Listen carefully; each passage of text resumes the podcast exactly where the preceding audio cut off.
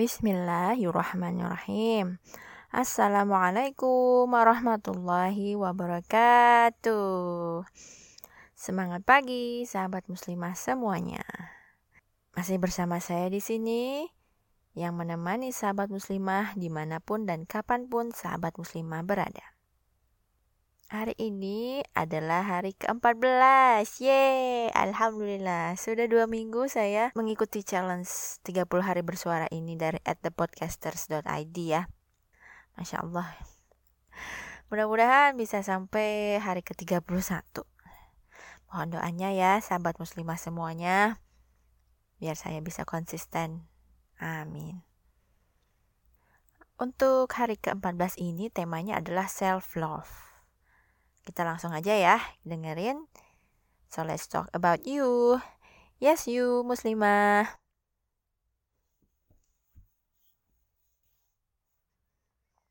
Apa itu self love, sahabat muslimah? Self love adalah cara kita untuk bisa mencintai dan memperlakukan diri kita tuh dengan baik. Saya lansir dari Psychology Today. Mencintai diri sendiri bukan cuman pakai pakaian terbaik, ngerawat diri, atau lebih mentingin diri sendiri dibanding orang lain. Bukan itu. Tapi lebih dari itu. Self love adalah mencintai diri kita sendiri dengan menyadari diri kita sendiri, menghargai diri kita sendiri, percaya diri kita sendiri, dan peduli pada diri kita sendiri. Kalau ada salah satu aspek yang belum terlaksana, maka self love belum sepenuhnya utuh.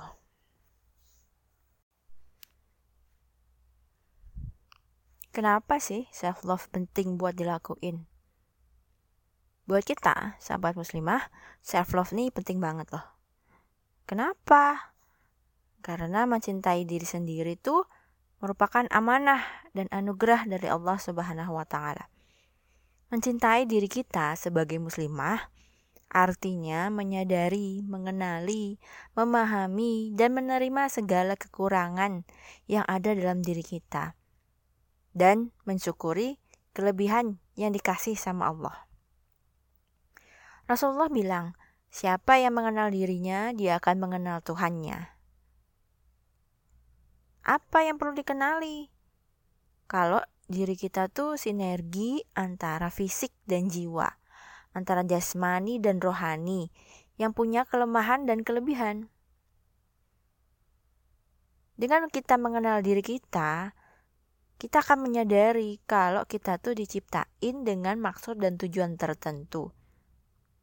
Sehingga kita bisa jalanin kehidupan dan menyelesaikan berbagai permasalahan. Mencintai diri kita sendiri itu bukan tindakannya egois ya. Karena ketika seorang perempuan mampu mencintai dirinya sendiri, dia akan lebih percaya diri. Nah, kepercayaan diri inilah yang akan memancar dan mampu dirasakan semua orang yang ada di sekitarnya. Kepercayaan diri juga membantu meningkatkan hubungan dengan diri sendiri dan menciptakan perasaan yang lebih baik untuk memulai hari yang baru yang nantinya bakal berdampak ke hubungan kita dengan orang lain, lingkungan baru, dan masalah baru. Ketika kita punya self-love, kita akan mulai menerima kekurangan yang ada dalam diri kita, sebaik kita menerima kekuatan yang ada di dalam diri kita juga. Dengan menyadari dan memahami kekurangan kita, justru jadi tantangan untuk terus berjuang meraih kesuksesan dalam hidup. Selain itu, mencintai diri sendiri juga akan membuat kita nggak menghakimin diri sendiri secara berlebihan. Waktu ngehadepin masalah karena kita sadar kita tuh juga manusia.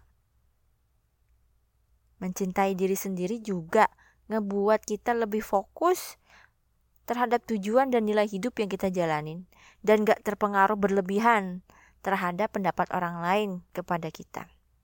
Karena belakangan ini makin banyak orang yang sulit legowo mencintai dan menghargai dirinya sendiri setelah melihat pencapaian dan mendengar pendapat orang lain loh. Saya lansir dari Medical News Today.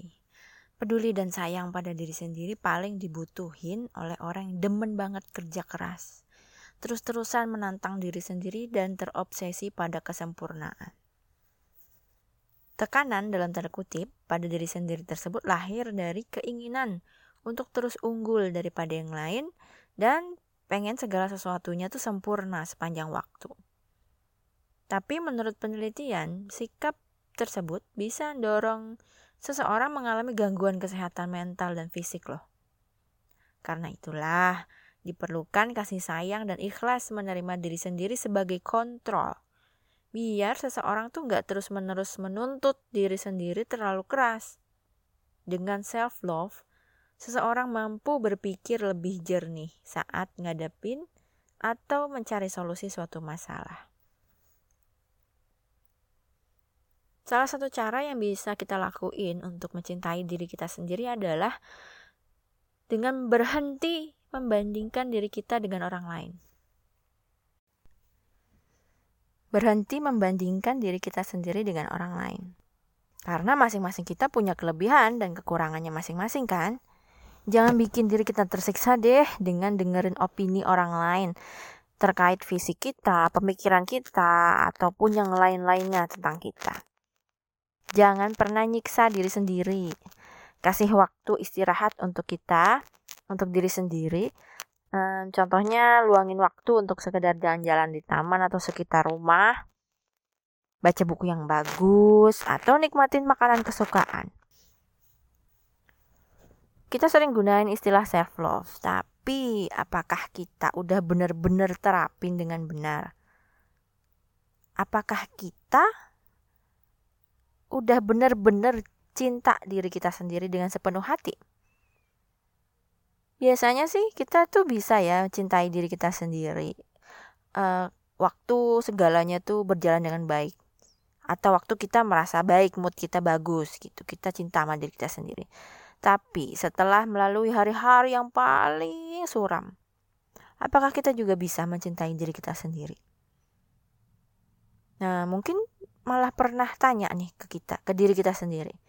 Gimana aku bisa mencintai diri sendiri setelah ngelakuin kesalahan sebesar ini? Gitu. Bisa jadi kan?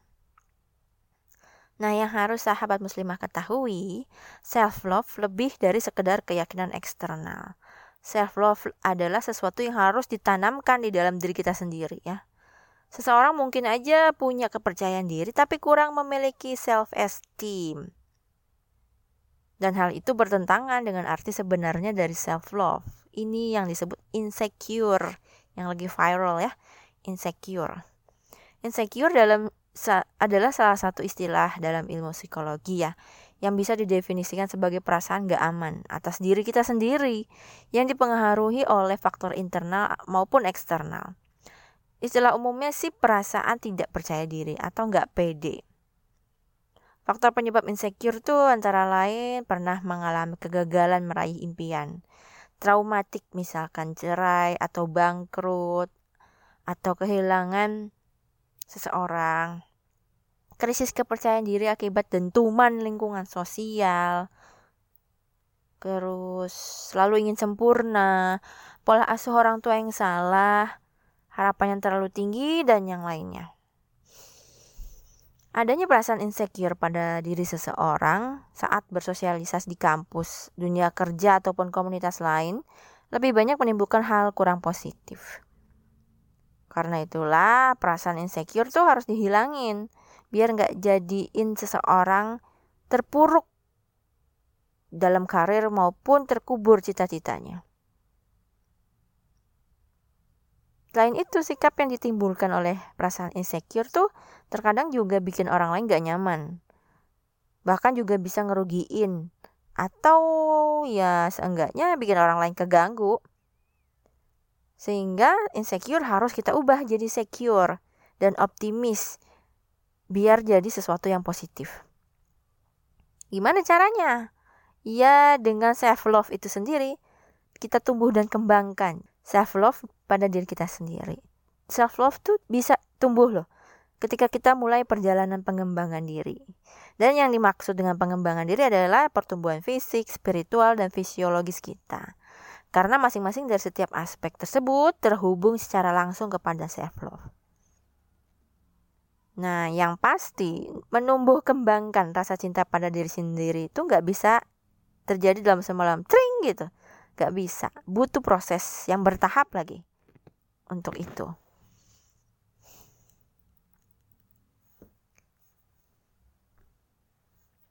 Nah, mencintai diri kita sendiri nggak semudah membalik telapak tangan kan. Tapi kalau kita tahu caranya, self love tuh bisa kita aplikasiin sehari-hari dan gak rumit sebenarnya. Nih, sahabat muslimah bisa langsung praktekin. Yang pertama, berikan afirmasi positif pada diri kita sendiri. Menurut para ahli psikologi, afirmasi positif tuh punya dampak pada cara kita bertindak yang pada akhirnya membentuk gaya hidup kita. Uh, karena ada penelitian yang menyoroti bahwa ada sebuah nilai dalam penegasan yang bersifat positif karena pikiran bawah sadar kita memainkan peran utama dalam aktualisasi hidup dan perwujudan dari keinginan kita. Apa yang kita yakini tentang diri sendiri di tingkat bawah sadar tuh bakalan punya dampak signifikan pada hasil dari suatu peristiwa. Uh, oleh karena itu, ketika kita merasa baik tentang diri kita sendiri dan punya sikap yang positif, hidup kita tuh cenderung berjalan lebih lancar. Coba pikir tentang terakhir kali kita punya dorongan kepercayaan diri dan dampaknya pada aktivitas kita selama berjam-jam berikutnya yang mengikuti dorongan itu. Mungkin pada awalnya ketika afirmasi positif tuh bisa sedikit nggak nyaman ya, canggung lagi. Tapi ingetin diri kita bahwa pernyataan dan kata-kata tuh jadi bagian dari pola pikir dan jiwa kita. Nah, terus apa cara yang lebih baik untuk mencintai diri kita sendiri daripada mengingatkan diri sendiri bahwa Allah punya rencana terbaik untuk kita. Dan pada akhirnya dia adalah yang terbaik dari segala perencana. Ini coba diulang afirmasinya ya sendiri depan cermin, habis bangun tidur atau setelah sholat. Hmm, contohnya kayak gini. Yang pertama tuh, Allah memiliki rencana besar bagi saya karena dia mengatakan dia adalah yang terbaik dari perencana. Atau bisa juga, saya senang dengan cara Allah menciptakan saya. Saya juga tahu bahwa seseorang yang istimewa ada di luar sana untuk saya. Itu kalau yang masih jomblo. Atau yang ketiga, saya tahu bahwa Allah telah memberi saya talenta dan berkah dan dia akan memberikan pasangan yang tepat ketika waktunya tepat. Nah, itu juga buat yang lagi jomblo. Gak apa-apa ya. Harus selalu positif ya. Semangat, insya Allah pasti akan bertemu di waktu yang tepat. Oke, kita lanjut. Yang kedua adalah bersyukur dan berterima kasih. Nikmat hidup dengan indah diungkapkan melalui masa-masa sulit maupun masa-masa yang mudah. Dalam surat Luqman, Allah mengingatkan kita.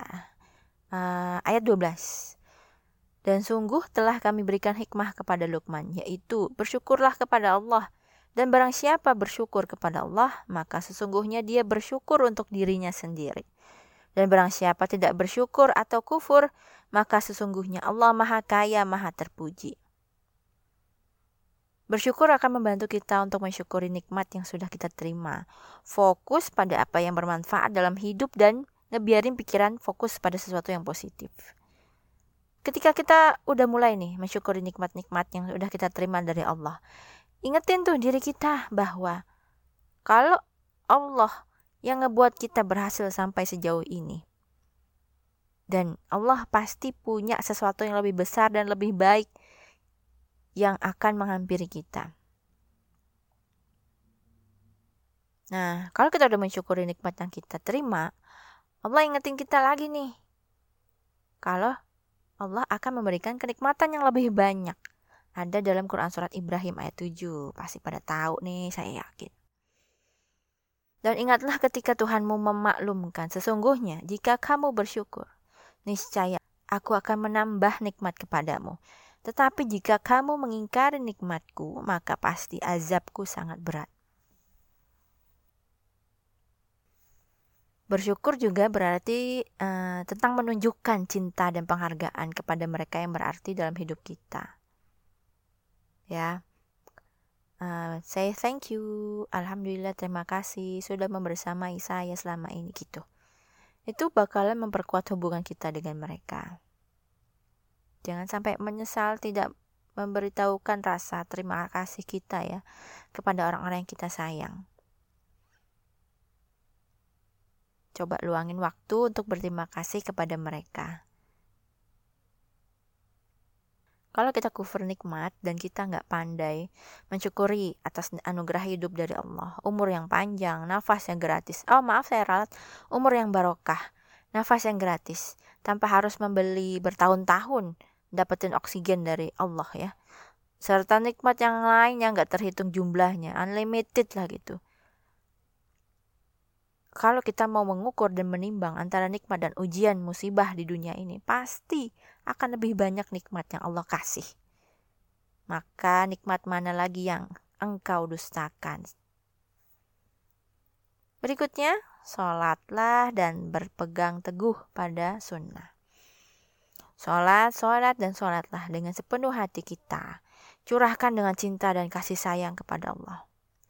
Karena kita nggak bisa mencintai diri kita sendiri kalau kita nggak mencintai Allah. Layaknya sebuah bangunan, kalau pondasinya lemah, bangunan itu bakal runtuh kan, dan ngancurin segala sesuatu yang sekelilingnya. Kita perlu memperkuat hubungan kita dengan Allah, dan kemudian meninggalkan segalanya dalam doa kita. Pikiran kita perlu tahu bahwa kita tuh butuh Allah sepanjang waktu. Baik itu dalam bahagia, dalam trauma, ketika sengsara dalam misteri ah, apa pun itu kita selalu akan membutuhkan Allah. Dengan begitu sujud akan terasa seperti tempat terbaik di dunia ini untuk hati kita yang terluka. Seperti dalam Quran surat Al-Baqarah ayat 45 dan mohonlah pertolongan kepada Allah dengan sabar dan salat dan salat itu sungguh berat kecuali bagi orang-orang yang khusyuk Berikutnya, lakuin apa yang kita butuhin. Bukan yang kita pengenin, tapi yang kita butuhin. Saat kita mencintai diri kita sendiri, kita akan ngelakuin hal-hal yang kita butuhin. E, ketimbang apa yang kita pengenin. Fokus terhadap apa yang kita butuh, akan membuat kita terhindar dari masalah-masalah yang gak kita perluin. Dan bikin diri kita lebih damai. Kita akan lebih mencintai diri sendiri ketika kita mulai memperhatikan kebutuhan dasar kita karena mencintai diri sendiri berarti mampu mengendalikan ego untuk menuruti apa yang diinginkan ketimbang yang dibutuhkan. Fokus kasih segala sesuatu yang terbaik bagi diri kita sendiri sesuai apa yang dibutuhkan, bukan sekedar yang diinginkan. Seperti aktivitas yang sehat, asupan makanan yang masuk ke dalam tubuh yang sehat, segar, tidur yang cukup, rawat diri dengan baik, bukan sebatas bersolek ya, sampai interaksi sosial yang sehat.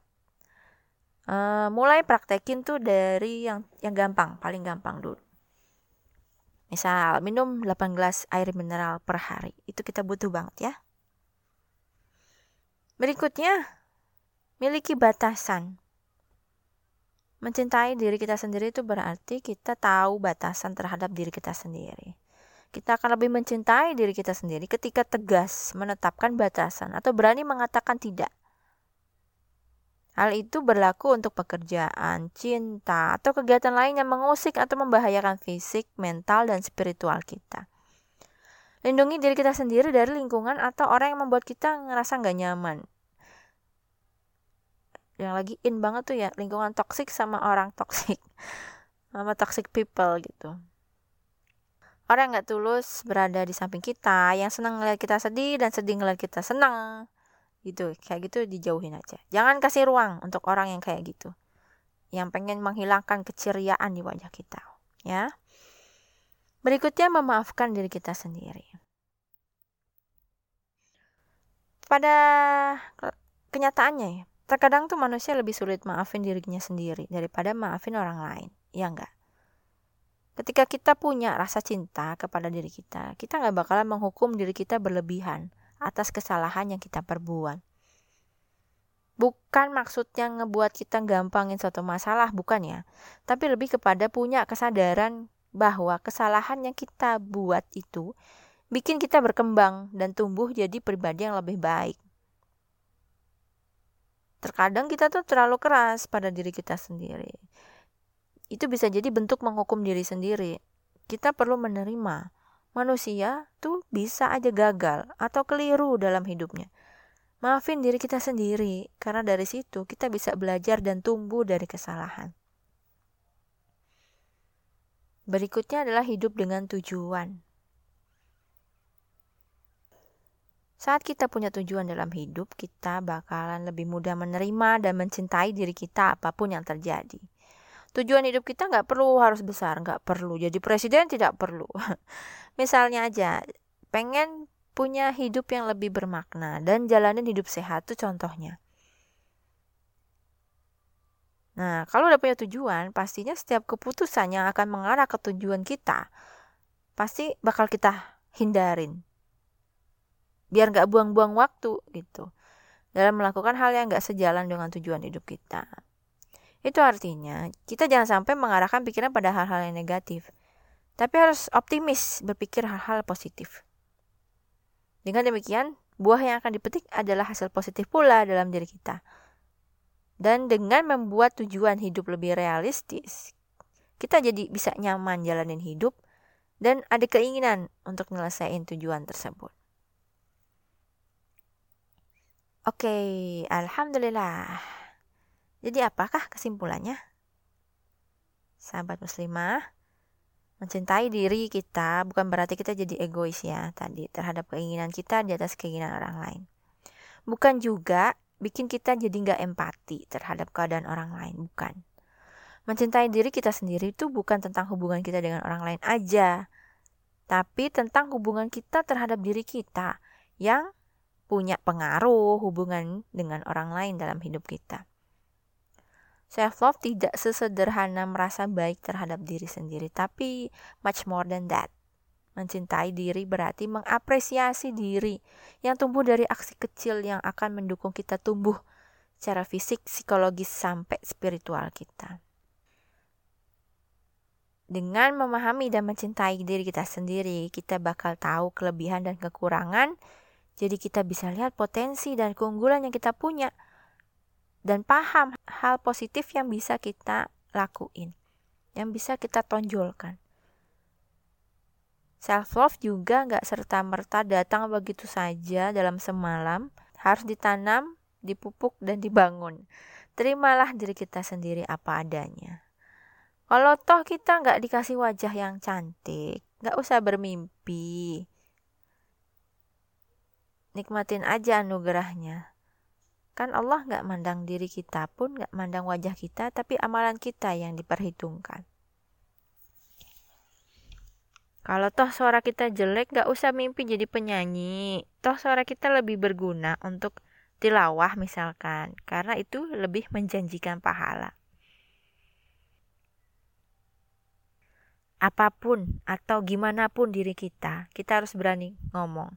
Inilah diriku yang sebenarnya. Aku mensyukuri apa pun keadaanku. Aku bahagia menjadi diriku seutuhnya. Karena seseorang gak mungkin bisa berdamai dengan orang lain sebelum dia belajar berdamai dengan dirinya sendiri. Alhamdulillah. Segitu aja sahabat muslimah untuk tema self love hari ini. Semoga bermanfaat ya. Mudah-mudahan insya Allah. Untuk tema besok adalah mengenai puasa. Puasa. Kesalahan pasti datangnya dari saya pribadi. Saya mohon maaf lahir batin ya. Eh, sampai ketemu besok. Assalamualaikum warahmatullahi wabarakatuh.